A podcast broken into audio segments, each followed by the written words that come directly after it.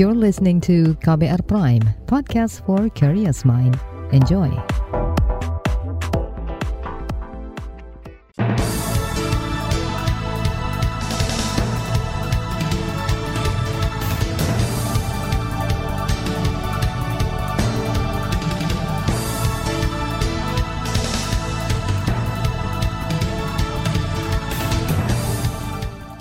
Selamat pagi saudara, senang sekali kami bisa menjumpai Anda melalui program Buletin Pagi edisi Senin 28 November 2022. Bersama saya Naomi Liandra. Sejumlah informasi pilihan telah kami siapkan di antaranya Kapolri janji usut tuntas kasus tambang ilegal Ismail Bolong. Kalah gugatan WTO, Jokowi tetap lanjutkan hilirisasi nikel. Korban meninggal gempa Cianjur mencapai 321 orang. Inilah buletin pagi selengkapnya. Terbaru di buletin pagi. Saudara, Kapolri Listio Sigit Prabowo menjamin penuntasan kasus tambang ilegal Ismail Bolong. Ini demi memperbaiki citra kepolisian. Sigit memerintahkan jajarannya mengusut perkara tambang di Kalimantan Timur itu.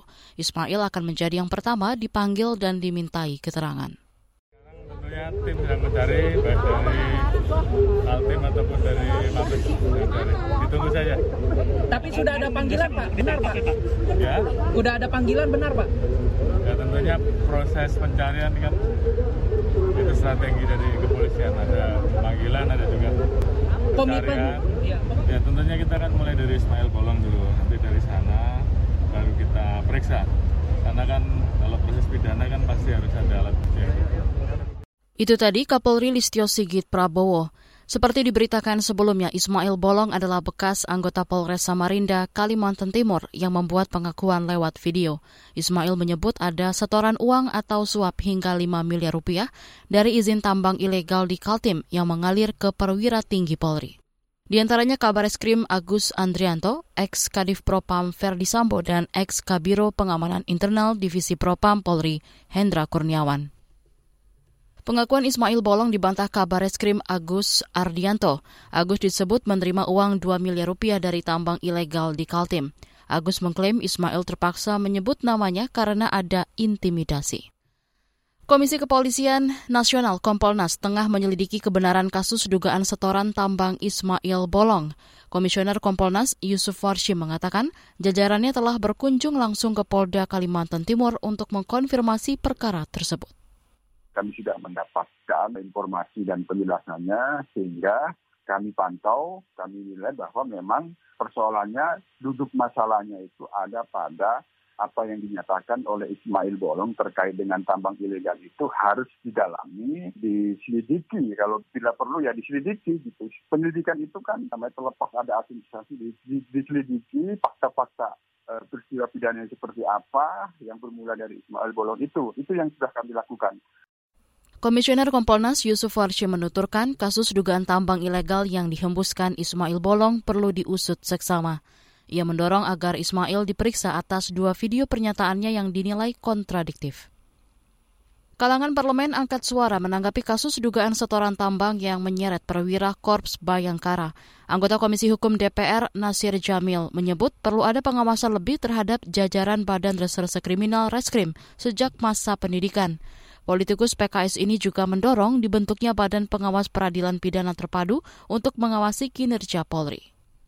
Nah, baru-baru ini kita dengar isu Ismail Bolong karenanya mengalir apa memberikan uang lalu kemudian terbawa-bawa nama Bareskrim, lalu kemudian disebut lagi misalnya Ferdi Sambo, kemudian uh, Hendra dan macam-macam nah itu. Jadi sebenarnya kalau reskrim itu rekrutmennya seperti saya katakan dari mulai rekrutmen sampai uh, reward and impossible-nya ya penegakan hukum mereka itu bisa dilakukan dengan baik terukur saya yakin karena reskrimnya ya itu bertanggung jawab dengan baik. Nah karena itu dibutuhkan pengawasan yang berintegritas.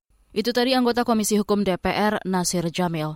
Wakil Ketua Komisi Hukum Adis Kadir menegaskan akan segera memanggil Kapolri Listio Sigit Prabowo. Sigit berhalangan hadir di panggilan pertama pada 24 November lalu. Desakan penuntasan kasus tambang ilegal Ismail Bolong juga datang dari masyarakat sipil. Pemerintah dan DPR dinilai perlu melakukan intervensi agar kasus ini tidak berlarut-larut. Berikut pernyataan Ketua Yayasan Lembaga Bantuan Hukum Indonesia YLBHI Muhammad Isnur. Jadi ini soal konstitusi pada akhirnya soal hukum gitu. Citra nomor sekian. Nah, ini kemudian tugasnya bukan tugas Kapolri, tapi tugasnya pada akhirnya tugas yang harus dikuatkan ya political will-nya oleh presiden sebagai pemimpin tertinggi dari uh, negara kan. Yang kedua juga harus dimiliki komitmennya oleh DPR sebagai pengawas. Harusnya DPR itu kalau mau Kapolri bukan puja-puji, puja-puji, tapi harusnya kritik keras. Ketua YLBHI Muhammad Isnur menambahkan, selaku wakil rakyat, DPR mestinya menindaklanjuti laporan dari masyarakat terkait kinerja polisi. Selain itu, penegak hukum yang terbukti bersalah harus ditindak tegas. Saudara, Indonesia kalah dari Uni Eropa dalam gugatan WTO terkait perdagangan biji nikel. Informasinya akan hadir sesaat lagi. Tetaplah di Buletin Pagi KBR. You're listening to KBR Pride, podcast for curious mind. Enjoy!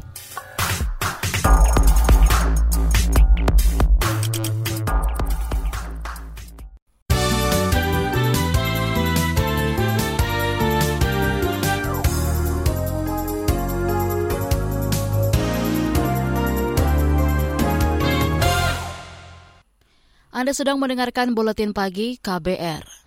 Saudara, Presiden Joko Widodo menegaskan kebijakan hilirisasi nikel harus terus dilanjutkan meski Indonesia kalah gugatan di Organisasi Perdagangan Dunia WTO. Gugatan diajukan Uni Eropa atas kebijakan Indonesia melarang ekspor biji nikel. Saat kita, saat kita menstop ekspor bahan mentah nikel, kita dibawa ke WTO. Baru dua bulan yang lalu kita kalah tapi keberanian kita menghilirisasi bahan-bahan mentah itulah yang akan terus kita lanjutkan meskipun kita kalah di WTO.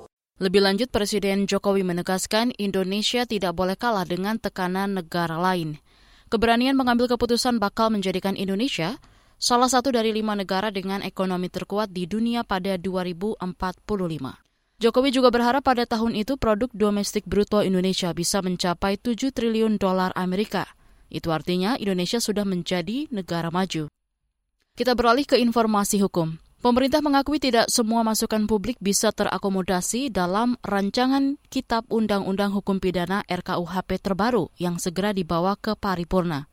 Masyarakat yang masih keberatan dipersilahkan menempuh jalur hukum. Hal itu diungkapkan tenaga ahli utama kantor staf Presiden KSP Ade Irfan Pulungan.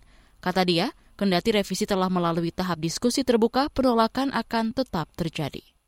KUHP ini telah bertahun-tahun pakar-pakar hukum kita, profesor-profesor hukum kita sudah bersusah payah berjuang melakukan uh, koordinasi dan pemikirannya gitu. Silakan kalau ada kelompok orang juga masih tidak puas terhadap pemikiran ini gitu. Ada mekanisme hukum, ada jalur hukum. Pemerintah memberikan ruang itu. Monggo silakan ya kan. Mari kita misalnya berargumentasi secara secara terbuka lewat mekanisme hukum itu, lewat jalur hukum itu. Tenaga ahli utama KSP Ade Irfan Pulungan menjelaskan, percepatan pengesahan RKUHP semata-mata agar Indonesia memiliki kebijakan hukum yang pasti. Pasalnya, selama ini Indonesia masih menggunakan KUHP produk kolonial yang dibuat bukan berdasarkan pemikiran anak bangsa. Masih soal undang-undang, Mayoritas fraksi di DPR sepakat merevisi Undang-Undang Ibu Kota Negara Undang-Undang IKN. Dua fraksi yakni PKS dan Demokrat menolak, sedangkan Nasdem memilih abstain. Anggota Komisi Bidang Investasi DPR dari fraksi PKS Amin Aka mengatakan menolak revisi Undang-Undang IKN lantaran kajiannya kurang mendalam. PKS sejak awal juga menolak keberadaan undang-undang itu ini kan kesannya dipaksaan dan dalam waktu-waktu sangat tergesa, pasti konsekuensinya akan akan banyak revisi gitu ya. Segala sesuatu yang tidak matang dari sisi kajiannya itu akan membuat APBN kita juga berdarah-darah, kemudian dari sisi efektivitasnya nanti hasilnya juga belum bisa diukur, mungkin nggak akan bisa dipertanggungjawabkan juga gitu loh. Anggota DPR Amin Aka menjelaskan alasan PKS menolak revisi Undang-Undang IKN. Di samping kajian kurang mendalam termasuk soal anggaran, studi kelayakannya pun tidak matang. Sebelumnya, pemerintah dan DPR berencana merevisi Undang-Undang IKN, salah satunya terkait pendanaan dan pengelolaan barang milik negara. Kita ke informasi lain. Pemidanaan korporasi dalam kasus pelanggaran lingkungan hidup dinilai masih lemah, salah satunya dalam kasus kebakaran hutan dan lahan. Pakar Hukum Pidana Universitas Muhammadiyah Jakarta UMJ, Septa Chandra, mengatakan korporasi bisa ditutup jika kerap mengulangi kesalahan tidak kunjung melakukan perbaikan. Namun hal itu sulit dilakukan karena dikhawatirkan memicu PHK dan mengurangi devisa. Kalau itu sudah dilakukan juga tidak mampu, maka kemudian ya apa boleh buat. Tindakan yang tadi yang bersifat ditutupnya korporasi itu harus diambil juga oleh penegak hukum, oleh pemerintah agar kemudian korporasi itu bisa menghenti, menghentikan perbuatan-perbuatan melawan hukum yang dilakukan tadi. Secara aturan sangat memungkinkan dan itu memang di apa namanya dimungkinkan dalam regulasi yang ada, peraturan-peraturan yang ada untuk bisa dijatuhkan pidana terhadap korporasi tadi itu. Saudara, sebelumnya LSM Auriga Nusantara mencatat dari 50 korporasi yang diperiksa terkait Karhutla 2015 dan 2019, hanya 15 kasus yang telah difonis pengadilan. Kita beralih ke informasi pemilu. Gubernur Jawa Tengah Ganjar Pranowo bakal terpilih sebagai presiden jika pemilu digelar saat ini. Hal itu merupakan hasil survei Saiful Mujani Research and Consulting SMRC. Direktur Riset SMRC Denny Irvani mengatakan Ganjar mengungguli Prabowo Subianto dan Anies Baswedan. Banyak nama ini, 45 nama kita masukkan. Lihat bahwa undecided ya, atau yang belum menentukan pilihan, 13,1 persen. Ya. Ada tiga nama yang mendapat dukungan eh, teratas. Ada Ganjar Pranowo di posisi paling atas, 26,7 persen.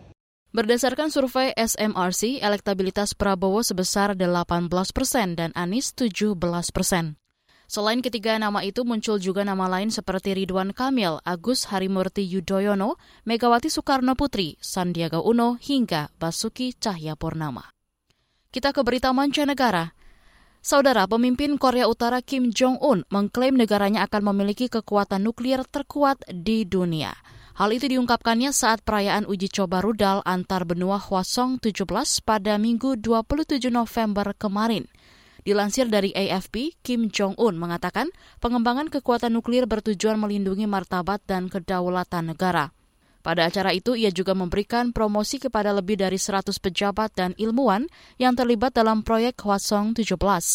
Rudal ini dijuluki rudal monster oleh para analis dan diyakini mampu mencapai daratan Amerika Serikat. Beralih ke berita olahraga, dari ajang Piala Dunia 2022, Jerman bermain imbang 1-1 melawan Spanyol dalam laga lanjutan Grup E Senin dini hari tadi. Gol Niklas Fulkirk di menit ke-83 menyelamatkan tim Panzer dari kekalahan. Spanyol unggul lebih dulu lewat gol Alvaro Morata di babak kedua.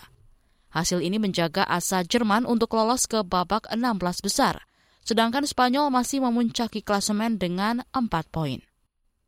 Di grup H, Kanada tersingkir dari Piala Dunia usai kalah 1-4 dari Kroasia. Kemenangan ini sekaligus memperbesar peluang tim besutan Zlatko Dalic melaju ke 16 besar. Di laga lain, Maroko membuat kejutan dengan menumbangkan Belgia dua gol tanpa balas. Belgia harus menang melawan Kroasia di partai terakhir jika ingin lolos. Di bagian berikutnya kami hadirkan laporan khas KBR tentang rendahnya serapan APBN hingga penghujung 2022. Tetaplah di Buletin Pagi KBR. You're listening to KBR Pride, podcast for curious mind. Enjoy!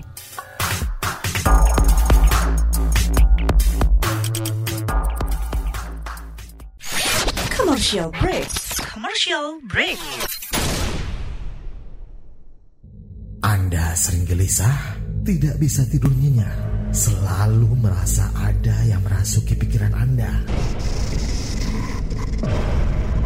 Ini bukan iklan horor atau cerita seram, tapi kalau Anda mengalami hal seperti itu, Anda pasti ketinggalan berita terupdate yang lagi ramai diperbincangkan. Gak mau kan dibilang ketinggalan berita?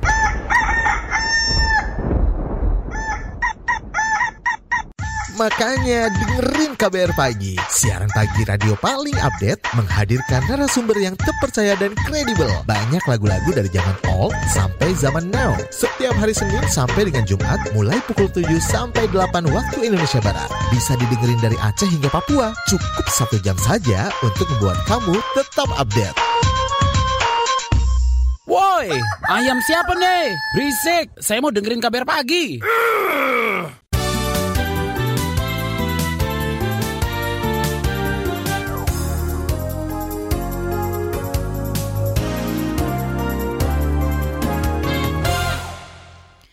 Anda masih bersama kami di Buletin Pagi KBR. Pemerintah hanya memiliki waktu tersisa satu bulan lagi, namun masih ada 1.200 triliun rupiah belanja negara di dalam anggaran pendapatan dan belanja negara APBN yang masih belum terrealisasi. Apa saja permasalahannya? Selengkapnya kita simak laporan khas KBR disusun Reski Novianto. Anggaran negara lebih dari 1.000 triliun masih tersisa dalam belanja negara selama Januari hingga September 2022. Sisa itu berasal dari total belanja negara yang dianggarkan di APBN tahun ini sebesar 3.100-an triliun rupiah. Menteri Keuangan Sri Mulyani Indrawati membeberkan sekitar 1.200-an dana APBN untuk belanja negara belum terserap. Ia memastikan pemerintah akan memaksimalkan penyerapan anggaran belanja di sisa tahun ini. Kalau itu dieksekusi semuanya, karena kemarin kami baru saja melakukan press conference tahun eh untuk bulan September, itu masih ada 1.200 triliun yang akan dispend dalam dua bulan ke depan. That's really big money. Nah itu APBN 2022.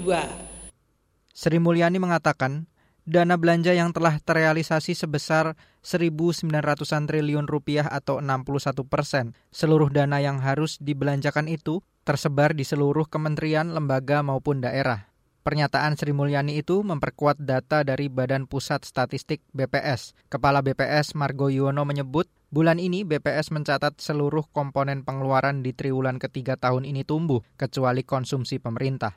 Kita bisa melihat bahwa pertumbuhan di seluruh komponen pengeluaran ini menunjukkan uh, pertumbuhan, kecuali di konsumsi pemerintah yang mengalami kontraksi sebesar 2,88 persen. Ya.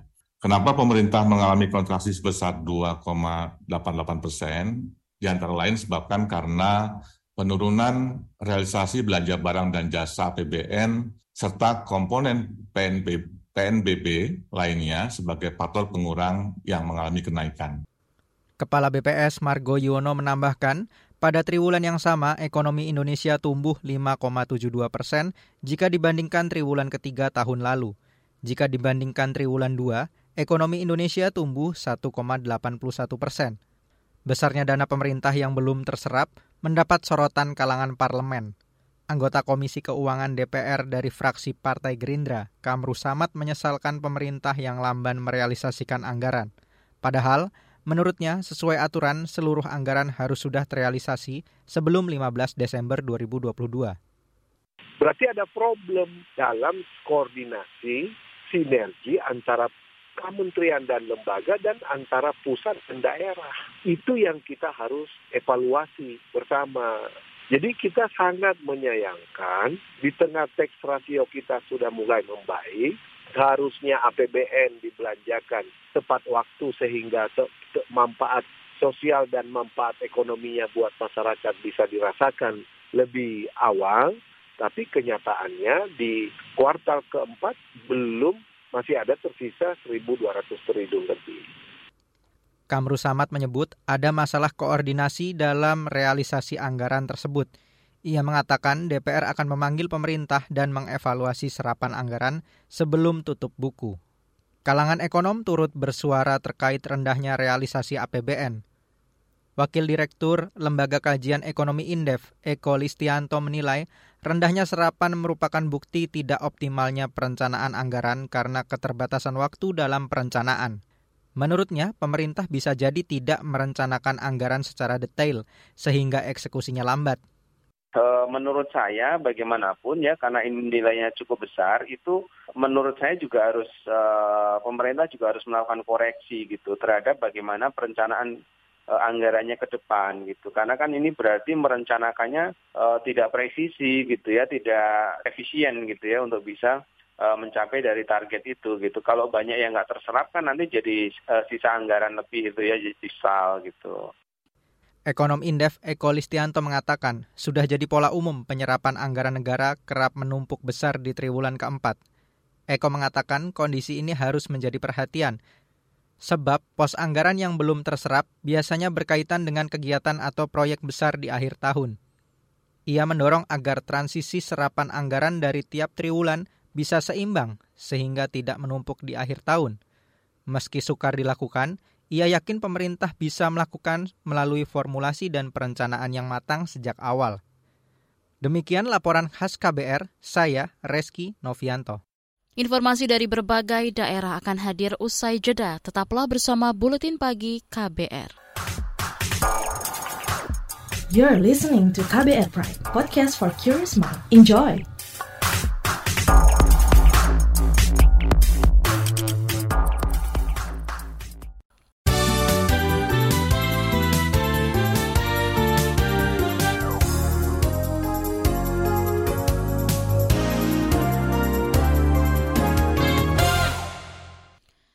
Inilah bagian akhir buletin KBR. Saudara, sepekan pasca gempa Cianjur, Jawa Barat, tim SAR gabungan telah menemukan 321 korban meninggal. Per 27 November kemarin, sebanyak 11 orang masih dalam pencarian. Hampir 600 orang luka dan lebih dari 1.000 orang dirawat dan 73 ribuan orang mengungsi. Berikut keterangan Kepala Badan Nasional Penanggulangan Bencana BNPB, Suharyanto. Dan 183 itu yang terpusat termusat di sini adalah kekuatan yang mengungsi di atas 25 orang. Kemudian ada 142 titik pengungsian mandiri. Artinya masyarakat yang mendirikan tempat-tempat pengungsian di sekitar rumahnya masing-masing dengan kekuatan di bawah 25 orang. Kepala BNPB Suharyanto menjelaskan di antara pengungsi ada 92 penyandang disabilitas, 1.200-an ibu hamil, dan 4.200-an lansia. Tim lapangan masih berupaya menyalurkan bantuan logistik ke 325 titik pengungsian yang menyebar di 15 kecamatan. Masih terkait gempa Cianjur, Pusat Vulkanologi Mitigasi Bencana Geologi PVMBG mencatat gempa tektonik di Gunung Gede meningkat pasca gempa bumi bermagnitudo 5,6 di Kabupaten Cianjur. Menurut Kepala PVMBG Hendra Gunawan, terjadi lebih dari seribu kali gempa lokal yang berlangsung 10 hingga 86 detik dengan amplitudo 4 hingga 50 mm. Kendati begitu, status Gunung Gede tetap di level 1 atau normal. Terakhir kita ke Maluku Utara. Menteri Pariwisata dan Ekonomi Kreatif Sandiaga Uno mengklaim Sail Tidore 2022 yang digelar di Pantai Tugulufa berjalan sukses. Kata dia, acara itu meningkatkan kesejahteraan warga lokal sehingga bisa memicu pertumbuhan ekonomi. Intinya saya sangat mengapresiasi kerja kolaborasi untuk Sail Tidore ke-12 dan ini adalah uh, momentum kita untuk kebangkitan khususnya kalau kita lihat pariwisata yang berbasis event. Sandiaga Uno optimistis 1,1 juta lapangan kerja di sektor pariwisata dan ekonomi kreatif terrealisasi tahun ini. Demikian juga target 4,4 juta lapangan kerja tahun depan. Informasi tadi menutup jumpa kita di Buletin Pagi hari ini. Pantau juga informasi terbaru melalui kabar baru, situs kbr.id, Twitter kami di akun @beritaKBR, serta podcast di alamat kbrprime.id. Akhirnya saya, Naomi Liandra bersama tim yang bertugas undur diri. Salam.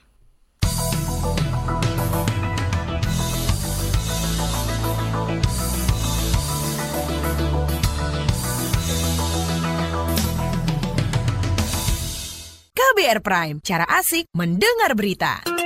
KBR Prime, podcast for curious mind.